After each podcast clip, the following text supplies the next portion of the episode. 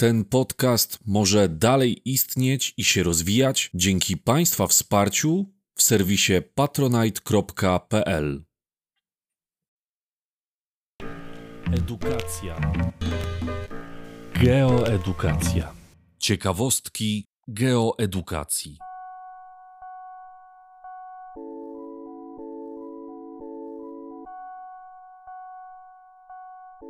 Ile może nam spaść na głowę? Na głowę mogą nam spadać generalnie różne rzeczy, no i może nam spadać woda w różnej postaci. Może to być opad deszczu, mrzawki, śniegu, krupy śnieżnej, krupy lodowej, gradu czy pyłu diamentowego. Dzisiaj porozmawiamy sobie o największych na świecie opadach deszczu. Jeżeli chodzi o deszcz nawalny, czyli mówiąc prościej burzę, to najwyższy zanotowany opad w ciągu minuty wyniósł niecałe 4 cm. Mówiąc inaczej, w miejscu, w którym przeprowadzono pomiar, gdyby woda nigdzie nie spływała i nie wsiąkała, po 60 sekundach mielibyśmy warstwę wody o wysokości 4 cm. Czyli tak po kostki. Jeżeli wolicie określenie za pomocą objętości, to 1 mm opadu na 1 m2 daje nam 1 litr wody. A więc w naszej sytuacji byłoby to 40 litrów wody w ciągu jednej minuty, czyli prawie 26 1,5 litrowych butelek wody. W ciągu 5 minut najwyższy zanotowany opad wyniósł już nieco ponad 10 cm. Bez kaloszy ciężko się wtedy obejść. Tyle wody na jednym metrze kwadratowym spokojnie wystarczy na kąpiel w wannie, bo oznacza to opad w wysokości około 100 litrów.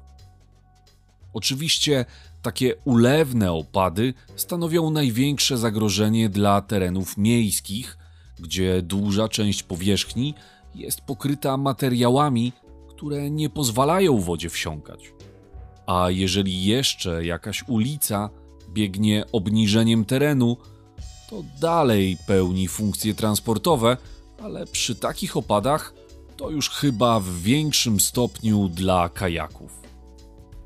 Bardziej długotrwałe opady mogą być związane z innym typem zjawisk ekstremalnych, jakimi są cyklony tropikalne. W 1966 roku, w czasie cyklonu Denise, na wyspie Reunion, w ciągu 12 godzin spadło 1144 mm opadu, czyli 1 metr i 14 cm. Dla dorosłego człowieka oznacza to wodę sięgającą po pas. Trzydniowy opad w trakcie cyklonu Gamede w 2007 roku przyniósł blisko 4 metry wody. Tak dla porównania, powódź tysiąclecia w 1997 roku w Polsce powstała w wyniku trzydniowych opadów, których suma w Sudetach wyniosła około 50 cm. Z pewnością warto jeszcze kojarzyć miejscowość Cherrapunji, gdzie w 1860 roku zanotowano najwyższy roczny opad, który wyniósł ponad 26 tysięcy mm, czyli mówiąc inaczej, 26 metrów. To mniej więcej wysokość siódmego piętra. Pamiętajmy jeszcze o parterze. No i jeżeli ktoś narzeka, że u nas ciągle pada, to dobrze, że nie odwiedzał Hawajów w latach 1939-1940. Na wyspie Oahu padało codziennie, ale warto zaznaczyć, że nie ciągle.